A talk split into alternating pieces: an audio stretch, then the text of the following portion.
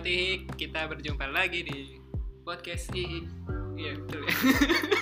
Emang ada lagi yang lain? Nggak lagi di tralala. Senangnya rasa hati. Ketahuan di angkatan. Zaman Indra buat masih muda. Sama Agnes mau kecil. Agnes mau. Agnes. Ya, ini em, masih bersama saya Ulwan dan juga Saya Novri. Dan Saya Jeffrey. Jeffrey Nicole. Saya kira Jeffrey Nicole. Yaser. Beda tipis sih. Iya, iya. Tipis banget bedanya. Nah, ini kita punya tema khusus nih, Mbak Mas. Jadi, ya biasanya juga tema khusus sih. Iya. Nah, Cuma ini karena khusus, lebih khusus lagi, kita membicarakan yang lebih serius daripada sebelumnya. Waduh, waduh. Kita akan membicarakan kita akan membicarakan utang luar negeri Us. Republik Oman. ya kita akan bicara pengalaman kita meneliti humor, ya, kan? Mas Yasir pernah meneliti humor, Mbak Novri pernah meneliti humor, saya juga pernah gitu. tentu saya pernah karena saya Ulwan. Oh iya, iya. Ilmu gue mati. cerita dulu mungkin apa dulu yang pernah di riset Mbak Novri kan saya pernah lihat di Prisma ya kan?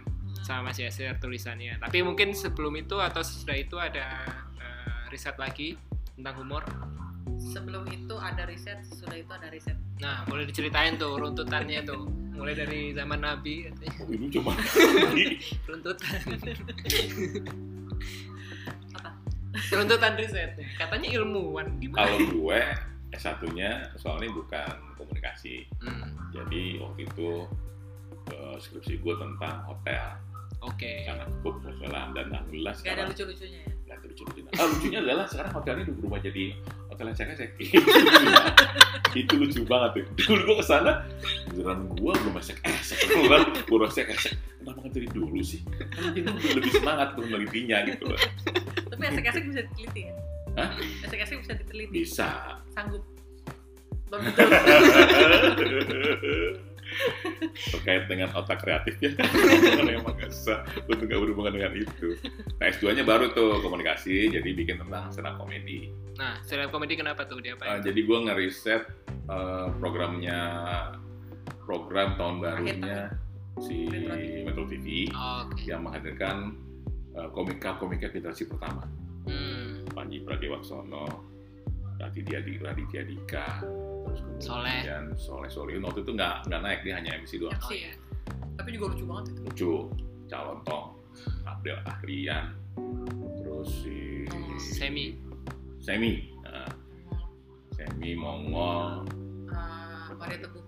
Mario Teguh, tapi Oh, Mario iya, Teguh iya, iya. uh, itulah yang kenapa ngambil itu karena itu isinya adalah generasi pertamanya uh, komika Hmm, yang tidak melalui jalur audisi program. Kalau sekarang semua audisi kan, Iya. yang ini bukan. Ini ini bener-bener bener-bener kenapa ke mana untuk lihat karena buat gue lu nggak belum nggak punya apa pelatihan sebelumnya, jadi lu tampil karena memang lu punya bakat di situ. Hmm. Itu menarik. Beda dengan orang yang ketika tampil, gue yakin komika tampil tuh udah memang udah punya bakat kan. Iya. Cuman dia lewat lewat saluran pelatihan sekarang. Nah ini kan nggak pakai pelatihan. Uniknya di mana? Uniknya di situ. Gitu. Oh, oke oke. Itu jadi tahan tesis ya? Bukan tesis. Oh, oke. Kalau Mbak Novri? Kalau gue dari S1 emang udah komunikasi kan. Hmm. Jadi karena gue tuh jurusan advertising, jadi emang udah ngambil tentang iklan humor. Waktu itu Iklan kan humor iklan humor di di TV. oh, Itu kan brandnya yang- brand apa? Yang Atau produk emang apa? lucu banget kan dulu itu kan eh, eh, Yang hijau. Ah, yang yang hijau apa? Seja, bukan jarum nih. Yang hijau tuh sempurna.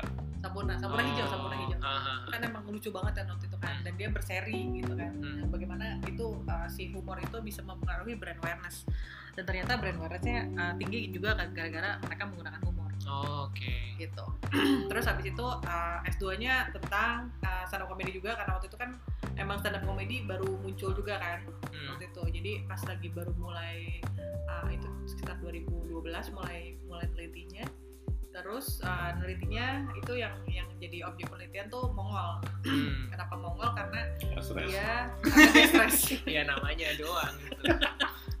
karena waktu itu dia lagi laris banget dan dia adalah generasi awal uh, pemunculan di stand up comedy di Metro TV kan jadi Hmm. waktu itu yang pas pas per- pertama kali muncul kan Mongol Soleh Solihun sama Wel kan Hmm. Nah terus uh, dan dan yang benar-benar bertahan pada saat uh, aku neliti itu itu si Mual itu dan waktu itu dia juga dijuluki sebagai komika yang paling mahal kan kalau di Hmm. corporate gitu. Nah jadi pengen pengen ngeliat uh, karena uh, gue backgroundnya marketing jadi emang mau ngeliat personal brandingnya dari dia. Hmm. Nah terus kemarin uh, diminta sama kampus juga untuk bikin penelitian terus bi- bingung kan apa ya penelitian apa ya gitu akhirnya uh, bikin penelitian lanjutan apakah si Mongol ini secara branding dia masih bertahan nggak? Soal brandingnya masih kuat apa enggak sekuat yang dulu apa enggak gitu. Dan ternyata hmm, hasilnya uh, masih kuat gitu. Walaupun sayangnya yang sekarang susah nih untuk diketemuin karena lagi PSBB segala macam dianya lagi di uh, Manado jadi emang susah gitu untuk untuk diketemuin. Jadi akhirnya ya udah uh, dilihat dari sisi ininya aja uh, apa penampilan penampilannya dia aja. Terus kita juga sama Mas Yasir yang ada di Prisma itu kita meneliti tentang apa um, humor milenial. Kayak apa sih humor milenial? Sebenarnya rencananya kita pengen pengen ngelihat humor yang di bawahnya lagi nih, yang di bawahnya milenial nih, yang generasi Z. Z ya Ya, Nah, generasi Z cuman uh, belum ada orderan aja sih kita belum orderan. Kalau ada orderan kita kerjain. oh kita kan eh, RBO, apa itu Reserve by Order. ya kita kan ini uh, IB IB apa itu ilmuwan bayaran. ya tapi kalau Kita menjunjung tinggi loh apa bayaran. bayaran. ya, Tentu. itulah ilmuwan dan ilmuwati ini ada tetap ada ininya lah ya iya dong, ntar hidup dari mana? Tapi yang waktu di Prisma Januari 2019 itu eh, tentang umur milenial tuh eh, secara singkat tentang apa tuh mbak? Eh, temuannya gimana? tahu ya kita juga bingung ya ini ilmuwan bukan sih sebenarnya gitu nggak nggak eh, it- kita pengen ngelihat eh, kan jadi generasi bapak-bapak Lagi-lagi bapak-bapak lagi kena lagi. Nah, lagi aja. nggak nggak ini sebenarnya lebih ke curhatan dari teman-teman dosen sih sama dosen gitu Hmm. kan eh, ada yang udah senior senior nih terus mereka suka kok anak-anak ini kalau ngejokes aku nggak ngerti ya apa sih gitu termasuk pelawak. Ada salah satu pelawak pernah curhat juga sama aku gitu. "Eh, apa sih up comedy nggak ngerti gue gitu. Hmm. terus kayak eh, jadi menimbulkan pertanyaan kan ini mereka nggak ngerti kenapa ya? Gitu. Apa sih sebenarnya? Apa sih yang yang eh, buat buat para millennials ini lucu? Nah makanya uh, kita mencoba meneliti kayak apa sih yang, yang buat mereka lucu gitu nah habis itu kita uh, sampaikan kepada bapak-bapak dan ibu-ibu ini uh, bilang bahwa nih kalau mau komunikasi sama anak milenial tuh yang kayak gini nih gitu yang hasilnya begini begini begini. hasilnya apa silakan dibaca di Tris Iya, silakan dibaca dan dibeli Yang di nomor telepon berapa? Order ya langsung ya. di nomor di bawah ini. Ya. ya ada bawahnya ya. Oke oke gitu jadi uh, apa dengan anda membeli Prisma anda sudah mendukung ilmuwan bayaran ini terus hidup sebenarnya Anda nggak akan rugi. Anda cuma keluarkan uang doang kok. Cuma dua ribu doang. Nah itu dia tuh. Untuk ilmu pengetahuan ya. Ya, iya dong demi. demi demi Nah kalau saya tuh sebenarnya pengalamannya juga ada tuh mbak mas meneliti tentang kita nggak nanya loh Nah, kan Jangan gitu. saya maksudnya ngelit ini Oh, iya, Tapi iya, itu iya. S1-nya apa sih? S1-nya sastra Inggris. S2-nya komunikasi. oke Mirip-mirip sama si SR, murtad gitu, tapi kebetulan tidak meneliti yang esek-esek. gue dong yang iman iman kuat ya gue Iya. Iya, sudah bagus loh. Linier. Nah waktu itu kalau saya dulu tuh alasannya bikin skripsi eh, tentang humor itu eh, yang pertama karena tema ada tema yang paling umum dipa- diambil sama anak-anak sastra waktu itu di kampus dan itu udah dilarang gitu. Nah akhirnya anak-anak mulai bingung kan, "Duh, apa ini? Terus yang kedua stand up itu baru waktu itu. Jadi eh, tahun kemungkinan berapa tuh tahun 2014 Terus nggak apa. lama. Iya maksudnya nggak di, di jurusan saya itu nggak ini Nggak umum ya. nggak umum masih kan penelitinya masih Shakespeare oh ya sastra ya sastra ya Sastra, Gitu-gitu ya. sastra. Shakespeare ya. masih Orwell kayak gitu-gitu nah karena baru itu akhirnya dosennya itu masih belum paham-paham banget tentang struktur humor tentang materi itu nah akhirnya saya udah ambil ini supaya cepat lulus gitu ya benar itu strategi yang benar Sorry, bener. jadi buat temen-temen ya yang apa yang mau bikin skripsi atau mau bikin tesis carilah tema yang gak dimengerti sama dosen-dosen Nah. Nah Gue juga sebenarnya estesis itu, itu itu. Karena gue yakin dosennya pasti nggak ada yang paham. iya betul Paham aja. Lah. Jadi kesan kita pinter banget, padahal sih Iya. enggak kita baca doang gitu. iya gitu Iya waktu itu saking ininya ya, saking apa barunya itu stand up itu tempat ada temen tuh dia tuh cuma meneliti ini bahasa-bahasa apa yang dipakai oleh komunitas anak-anak stand up gitu waktu Oh. Ya udah dia tinggal data, eh apa aja yang dipakai ini ini ini udah lulus dia tiga setengah tahun. Sial sekali. Jadi buat anda semuanya ya calon-calon sarjana, ya atau calon-calon master atau calon doktor, humor aja diteliti. nah, Kenapa? Karena banyak dosen yang belum paham. nah, Begitu lo nggak paham, begitu nggak- begitu mereka nggak paham, kita akan akan jauh lebih pintar. iya. Jadi kalau mereka, mereka nyerang, kita akan bilang, bapak nggak apa-apa apa yang saya tahu. Bapak diem deh, apa-apa gitu. Gitu. jadi itu bukan licik ya bukan Bukan. itu strategi Tricky. berkenaan dengan itu, Mbak dan Mas kan sekarang udah jadi dosen nih. Kan udah melihat juga fenomena penelitian mahasiswa. Apakah Mbak dan Mas pernah diakalin kayak gitu juga? oh tentu tidak kalau Oh, saya tidak, tidak. saya kan ilmuwan Mas Yasir nih kali. Iya. Oh, berarti strategi itu belum kepake ya? Belum bisa kepake ya sekarang? Oh, iya. Kalau sekarang sih, mas sekarang berapa kali datang, ini lagi nih teori lo. Nah, Nggak ada yang lain apa? Cari dulu yang lain apa? Gue gituin. Apa gitu ya? Kalau memang mau ya pakai humornya yang jarang-jarang gue gituin. oh, berarti sudah mulai Udah, membimbing udah. eh, penelitian. Enggak, gue saranin, tapi nggak ada yang ngikutin. Gitu. gue saran doang. Oh iya boleh deh pak, tapi sampai sekarang kan gini juga. Nah, Gitu. Mbak Novri pernah kayak ngasih rekomendasi ke mahasiswa gitu? Eh, enggak sih cuman lebih seringnya gini kalau misalkan emang ada eh, hal-hal yang emang eh, gua nggak bisa nggak nguasain gua pengaruhin dia mau ikut gue kalau Oh. nggak mau ikut gue mendingan lu cari dosen lain gitu aja Waduh, cuman Jahat banget. Tapi sejauh ini sukses sejauh ini pernah nggak eh, membimbing penelitian tentang humor gitu dari mahasiswa? Apa sih keterbaruan penelitian sekarang? Belum ada, belum ada Mas Yasir juga sama belum. sekali sama sekali Wah. yang yang pernah ada itu adalah dari dosen lain yang dapat mahasiswa itu Mhm. dan si dosen itu prefer ke gue itu Oh. udah dua udah dua dosen yang kayak gitu Terus Iya. gue gak ngerti nih humor nih tolongin gue Di- dong di- gitu di- Terus gue pindah ke. Mbak. enggak enggak, pindah jadi gue kayak dosen bayangan dosen Oh. pembimbing bayangan. Sama juga gitu. Jadi Apa yang eh, ke gue satu orang kalau salah itu hanya untuk bicara masalah humornya doang. Tapi memang bimbing bukan gue. Hmm, jadi Hmm. pembimbingnya tetap resminya eh, si dosen itu gitu tapi eh, ininya bayangan Jadi sebenarnya peluang untuk meneliti humor itu masih gede banget nih. Nah, Kalau misalnya teman-teman mahasiswa tuh pengen tahu di mana sih cari sumber-sumber datanya, kita punya perpustakaannya. ya Lu tinggal dengar. Dan ingat, nggak banyak yang meneliti masalah humor. yes Artinya apa? Satu, lo akan jauh lebih kelihatan lebih berpengalaman. Kedua adalah kemungkinan besar dosen lo nggak paham. Ya. jadi Bisa cepat lulus. Nah, ketiga adalah temanya belum banyak dieksplor Nah. masih masih Iya. masih gede banget masih gede banget peluangnya. Gitu. Jadi kalau gue bilang sih, bukan karena kita di humor ya, tapi gue bilang lebih baik ambil yang tidak banyak orang ambil. Nah, Karena kalau ambil yang udah umum, percaya sama gue, penguji juga males ngujinya, Iya. Pembimbing juga males bimbingnya. Kenapa? Ada sering ini. Nah, yang baru, dan, dan gitu. pengujinya udah tahu mau bantai sebelah mana ya Nah, itu yang paling penting. Lo tahun pasti lamanya di sini, dibiarin sama dia.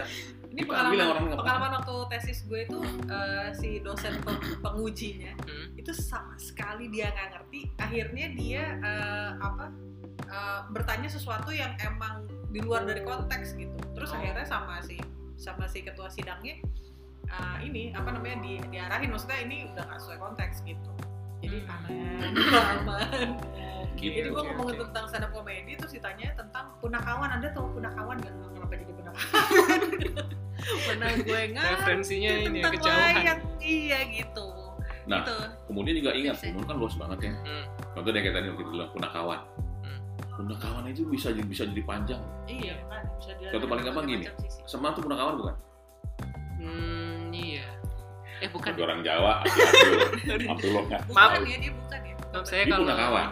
tuh kan bener. dia rajanya para dewa. Oh, Oh. ini jel, menjelma ya kalau Ah, nggak salah ya kan? kan. Menjelma dan dia kan punya senjata yang orang nggak punya itu mah kentut kan. Itu kan senjatanya dia kan. Hmm. Dan nggak semua orang punya. Dan ingat, waktu teater koma bikin eh, apa namanya pemanasan namanya Semar juga Hmm. itu ada ada adegan dia motong motong kuncir Semar dan itu mesti itu kalau upacara kalau nggak nggak bisa segitu sakralnya tuh si Semar padahal punakawan Terus lucunya iya? Ya? Lucunya di mana? nggak ada lucu-lucu lucunya ya lucunya ketika lu nganggap orang itu lucu tapi ternyata dia itu rajanya para para dewa Ya. kan jadi jadi waduh dewa lu ya bukan bukan gitu loh lucu tuh ternyata lu dewa eh lu maaf ya gitu. Kirain kangen eh. itu eh, itu aja udah udah udah udah apa udah panjang ini ingat punakawan itu hanya ada di Indonesia Hmm. luar nggak ada punakawan semar itu nggak ada di Indi India nggak ada. nggak ada Oh. itu hebatnya Berarti emang tradisi nggak ada ya karena gua gimana sih? Mau saya tanyain ini. Enggak, soalnya sih ini omongan bukan omongan gua, omongan Ji Suprana. Hmm. Waktu di buku humorologi itu dia bilang bahwa punakawan itu hanya ada di Indonesia. Hmm. Itu apa Ganesma itu hanya di Indonesia. Iya, ngomongin tentang stand up comedy aja deh misalkan ya. Uh, ternyata perkembangan stand up comedy itu awalnya dari dari zaman dulunya tuh nggak ada yang benar-benar meneliti tentang si stand up comedy itu sendiri, maksudnya di Indonesia ya. Hmm. Jadi ternyata uh, kita kan tahunya 2011 lah ya, ada Iya. TV apa segala macam. Tapi kan sebelumnya yang kita tahu Hmm. itu sudah di, dimulai oleh uh, Ramon Papana kan. Hmm. Nah dari Ramon Papana ternyata ada lagi yang lebih lebih lebih lawas lagi gitu. Ternyata Basio katanya yang pernah. Uh, beliau adalah uh, apa budayawan ya, budaya apa? Eh, Ludruk ya? komedian, Iya komedian yang dia di emang storyteller kan. storyteller Hmm. gitu. Tapi uh, dia bukan komedian ya, kalau nggak salah ya. Dia emang, emang ceritain tentang dan dia ada kritik sosialnya juga sama kayak stand up comedy sekarang. Dan kemarin baru denger lagi gue lupa deh kemarin dapat ini dari mana. Ada lagi yang lebih tua lagi gitu. Ada yang cerita bahwa lebih dari sebelumnya Wasio ada lagi. Jadi ternyata stand up comedy di Indonesia itu perkembangan dari zaman bener-bener bahula banget gitu. Nah itu nggak ada yang neliti. Nah, Gue denger lagi kata itu tuh. Bahasa Setara dengan muka Dima sebenarnya. muka Dima. Jadul bener kan tuh. Muka Dima set, apa namanya bahula tuh. Oke, berarti sebenarnya peluangnya masih banyak gitu kan. Wah, Banget banget. Nah sekarang eh, kalau menurut Mbak sama Mas itu apa yang membuat orang-orang tuh males meneliti humor? Kalau kalau kebetulan kita kita kan tahu ya kan ini adalah salah satu strategi. Tapi kalau orang lain tuh setahu Mbak dan Mas, selama orang eh, calon sarjana itu masih berpikir yang penting lulus, dia akan bikin apa yang ada. apa yang ada apa Hmm. yang dia tinggal uh, kopi doang sih sebenarnya kopi kan saya juga yang penting lulus, yang penting cepat Nah, kan lulus. sama kan? Tapi kan nggak ada yang neliti stand up waktu itu. Waktu Nah, itu itu. artinya apa? Tapi kan lo sempat dapat poin bahwa aku pengen bikin yang beda nih. Ah, Iya kan? Iya iya iya. Dan nggak semua orang punya pikiran kayak gitu. Nah, humor sebenarnya bikin orang jadi punya pikiran yang berbeda. Misalnya gini, tapi kan gue filsafat. Di komputer, di pulsanya ada nggak filsafat? Ada banyak. Humor banyak. aja Kesehatan ada. Hmm. sebenarnya sebenarnya Banyak banget. gue tahu kenapa Kenapa? karena penelitian itu kan dianggapnya serius dan Oke. orang tidak menganggap bahwa humor itu serius gitu. Hmm. padahal humor itu serius Kata apa Arwas Jawa. iya Makanya gara-gara ngomong jadi nikah. Jadi Serius terus ya. Ada enggak? Oke. tapi gue baca sekilas ya uh, lagi-lagi out of topic. Gue senangnya gitu sih OOT senang. Jadi pas gue baca buku besarnya Arwas Tiawan ya baca di awal-awal ya itu emang keren banget sih emang tulisannya di depan gua baca itu emang keren banget sih mengenai uh, pemikiran dia kenapa humor itu serius ken- uh, bagaimana si penonton itu kurang mengapresiasi apresiasi humor Hmm. gitu.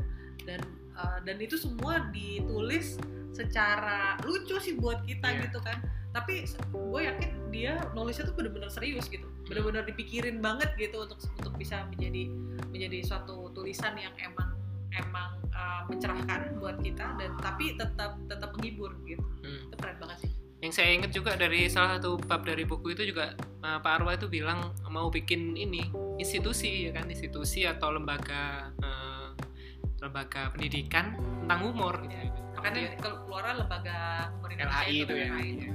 dia waktu itu bikin itu tahun 77 kalau nggak salah Buset. sebelum sebelum LHI itu keluar dia ngomongnya itu Oh. udah sebelum LHI keluar akhirnya keluar si LH, LHI itu dan ya mudah-mudahan IHIK arahnya ke arah sana gitu Oke oke. Meneruskan cita-cita yang belum bisa belum dicapai oleh Pak Rostiawan. Iya, soalnya kalau dia kan eh, mengacu gitu kan pada kajian-kajian ataupun peneliti barat gitu kan. Yes. karena uh, humor itu sudah sering gitu jadi makanan sehari-hari para peneliti sebenarnya di sana gitu ya. Nah sekarang berkenaan dengan berkenaan. Bahasa ini sastra. Sudah senja ini. Anak ninja nih. Kalau ngelihat em, apakah menurut Mas dan Mbak nih ya penelitian humor itu sebenarnya terbatas untuk eh, mahasiswa sosial atau mahasiswa bahasa nggak sih? Mungkin eh, tadi sempat disinggung dikit sama Mas Yasir ya kan bahwa sebenarnya ada penelitian yang eh, berkaitan ya tentang humor dari eh, jurusan-jurusan yang non non sosial gitu. Tapi sebenarnya eh, emang humor itu kaitannya lebih erat ke sosial dan bahasa atau sebenarnya ada eksaknya? ya yang paling dekat sih pastinya ke sosial dan bahasa Hmm. lah ya karena kan memang itu kan pro- eh, humor itu kan adalah produk budaya nih Hmm. Gitu, jadi emang pasti dekatnya ke situ. Tapi pernah ngelihat nggak ada rumusnya humor? Rumusnya humor. jadi Gimana apa kali apa kali apa bagi apa terus ada pangkat serius gua nggak bercanda. Ntar gua kasih ini ini rumusannya. Nah, Humor sama dengan komedi sama dengan tragedi plus bukan, time. Oh, bukan, lebih kompleks bukan, lagi dari itu. lebih kompleks lagi. Oke. terus pernah kita waktu itu kasih lihat ke founder kita pak bapak bisa baca ini? Kan dia kan orang pajak ya orang yang hitungan kan. Bapak bisa baca ini? Apaan nih dia gitu Apa itu? Yang rumus itu tadi? rumusan itu beneran serius itu ada. Jadi sebenarnya mau dari sisi mana pun apa pun bisa ada aja. tinggal gimana cara lo menyampaikannya. Oh, Oke. manajemen manajemen lagi itu malah putus sebenarnya. Iya. Banyak kok pajak pajak lagi. Hmm. Ya. Eh, mungkin ilmu perang yang mungkin nggak ada. Ilmu perang pakai humor. kita perang mulut bisa. Oh ya iya. perang fisik perang pakai senjata. Itu kan nggak mungkin. Eh, kita mau ngerebek rumah orang. Misi. Ah bapak saya mau boleh? Nggak bisa begitu. Tetap aja diurak urak aja masa minta izin dulu bapak? Namuk kalau gitu. Gitu Nah itu eh, kalau kita sebenarnya kita percaya ya kan humor itu sebenarnya bisa dilihat dari mana saja gitu. Mas dan Mbak sendiri kan juga pernah datang ke conference-nya ini kan. eh, Eh, unsur Unsud juga terus sama yang di Singapura tuh kan tentang kajian ini juga kan konten itu waktu itu lebih konten Oh lebih ke konten tentang humor ya. Nah sebenarnya kan kalau lihat yang di konferensi yang di Unsud itu kan juga ngelihat eh, penelitian penelitian penelitian humor tuh ditinjau dari berbagai macam disiplin. yes Nah sekarang em, kalau Mbak sama Mas bisa menyarankan masuknya itu dari mana deh gampangnya untuk mahasiswa mahasiswa nih? Apakah kita harus melihat fenomena dulu, baru kita fenomena humor dulu, baru kita teliti atau kita meneliti favorit humor favorit kita atau gimana deh yang paling gampang? ya kalau neliti pastinya harusnya yang dekat sama kita ya Hmm. jadi biar gampang nyari datanya sih sebenarnya Ya, eh, gampang narasumbernya yang paling gampang sih itu jadi kalau misalkan tadi eh, lu bilang dari eh, kesukaan humor yang kita suka ya itu Hmm. kan karena paling dekat sama kita kan jadi lebih gampang sih sebenarnya neliti jadi Hmm. mulai dari situ sih kalau menurut gue sekarang kita bikin kasus deh Apa? Misalnya lu mahasiswa apa Mahasiswa eh, teknik Abadi. mesin. teknik mesin Nah, kalau abadi Hah? mahasiswa abadi Abadi. gimana? kayak toko tuh abadi toko abadi jual genteng segala macam kalau mahasiswa abadi jurusan apa ya jurusan surga kali waduh. kan abadi bener ya apa? Iya iya iya sih iya sih. ya teknik mesin Oke. nah terus eh, lu mau bikin tentang eh, humor misalnya tinggal gue tanya lu teknik mesin suka apanya Waduh. Kan tadi ngasal nanyanya. nah makanya gue jawab juga jawabnya asal Ya. karena begitu gini loh gue nih misalnya gue komunikasi pasti bilang humor gue nyangkut kenapa karena gue komunikasi dan gue orang radio gitu Iya iya. tapi kita kalau teknik mesin bisa nggak teknik mesin bikin yang kaitan ke humor bisa mungkin bisa kalau Bisa. emang dia benar-benar nguasain sama Heeh. ini Hmm. lu kan ngomong gitu karena lu nggak ngomong lu nggak nguasain mesin kan Iya iya. Iya. tapi bisa dibikin humornya ada misalnya apa contoh misalnya ditanya terus menurut, menurut lu apa sih yang lucu dari, teknik mesin? Lu baru bisa ketemu lucunya kalau lu, lu nguasain materinya. Hmm. kalau lu nggak nguasain lu nggak akan nemu lucunya. Gue disuruh mikir teknik ya nggak bakal dapet lah gue orang teknik. Oke. tapi orang teknik pasti bisa lah. Misalnya apa sih? Contoh dulu pernah ada yang bikin apa ya dulu pernah gue lihat? Mesin untuk bahagia jadi mesin ada jarinya dua buat itik-itik dan itu jalan dengan engkol ini ketawa gitu lucu apa enggak lucu deh teknik mesin apa bukan Teknik mesin. mesin Iya iya. makanya gue bilang lu nguasain nggak mesin yang teknik mesin kalau lu nguasain lu pasti dapat Oke. Tapi kalau cari ide gue kegilaannya gitu, ya itu doang. Ternyata gue pernah lihat ada mesin yang dibikin di National Geographic apa gue gitu karena gue sangat mengenal itu channel itu ya. Yang dia dibikin buat alat buat ngitik-ngitik ada. Oke. Bikin dia bahagia ternyata. Udah ada. Berarti kan nggak bukan nggak mungkin. Hmm. Kalau dari filsafat, nah hanya filsafat. Mau ngomong filsafat soalnya. Jelas sama sekali nggak paham gitu. Padahal nih mungkin dia kan kalau dia tanya ke gue, pajak kuncinya apa sih? Gue mikir nggak ada apa sih kuncinya. Tapi ternyata pada nih bilang, pada saat negosiasi dengan uh, wajib pajak untuk bisa bayar, ini pakai pendekatan umur baru ini kemudian cair Iya. mau eh bukan wajib pajak orang pajaknya ya. Nah, pajaknya. Pada saat udah mulai pasang muka serem, ternyata pakai pendekatan umur jadi lebih cair, lebih enak dis- diskusinya. Hmm. Gitu. Ini kan berarti apa? Ada nggak fungsi umur itu? Ada. Cuman hanya dipahami oleh orang yang ada di industri itu gitu. Iya. Oh. Ke luar agak susah. Karena Ma- ngerti konteksnya kan. Ngerti konteksnya. Kalau humor kan kontekstual kan. Sama ketika kita disuruh bikin jokes tentang pajak. Alhamdulillah sebulan nggak nemu-nemu. Nah. Ah, lucunya kagak ngerti. Bolak balik, Bolak balik. balik ini apa? Utak-atik Teks apa amnesti ini? aku ini apa? Ada gue sempat saking gue hopeless gue bikin gini. Eh dialog. Bu mau ke mana? Ke kantor pajak. Ngapain bu? Ngurusin pajak. Hah? Ngurusin pajak? Emang pajak gendut? Gue bilang gitu kayaknya. Karena gue nggak pajaknya. Gue bilang gitu ngurusinnya. Karena gue nggak paham. Hmm. Gitu. Tapi bisa apa nggak? Bisa kan? Mungkin. Bisa. Menginspirasi. Mas Yasir sudah menginspirasi saya untuk kuliah lagi teknik mesin jurusan mesin jahit. lu bayangin lu penjahit jahit ada gelinya dia pas jahit gitu lucu tuh selesai itu lu nggak capek mencapai ketawa doang jadi lu nggak merasa kesel Iya. Terus kalau waktu itu kan sempat eh, saya sempat ikut tuh yang apa humor academy itu ya kan. Jadi penelitian-penelitian itu dipaparin gitu. Ya mulai dari penelitian tentang humor di tempat kerja gitu kan sampai humor untuk neuroscience gitu. Jadi humor tuh di otak kita itu sebelah mana itu sebenarnya bisa juga Bener ya banget ya. dibedah banget dari macam-macam disiplin gitu makanya humor tuh harusnya multidisiplin ya kan Iya. supaya kita bisa punya gambaran yang utuh yang konkret tentang humor itu sendiri gitu.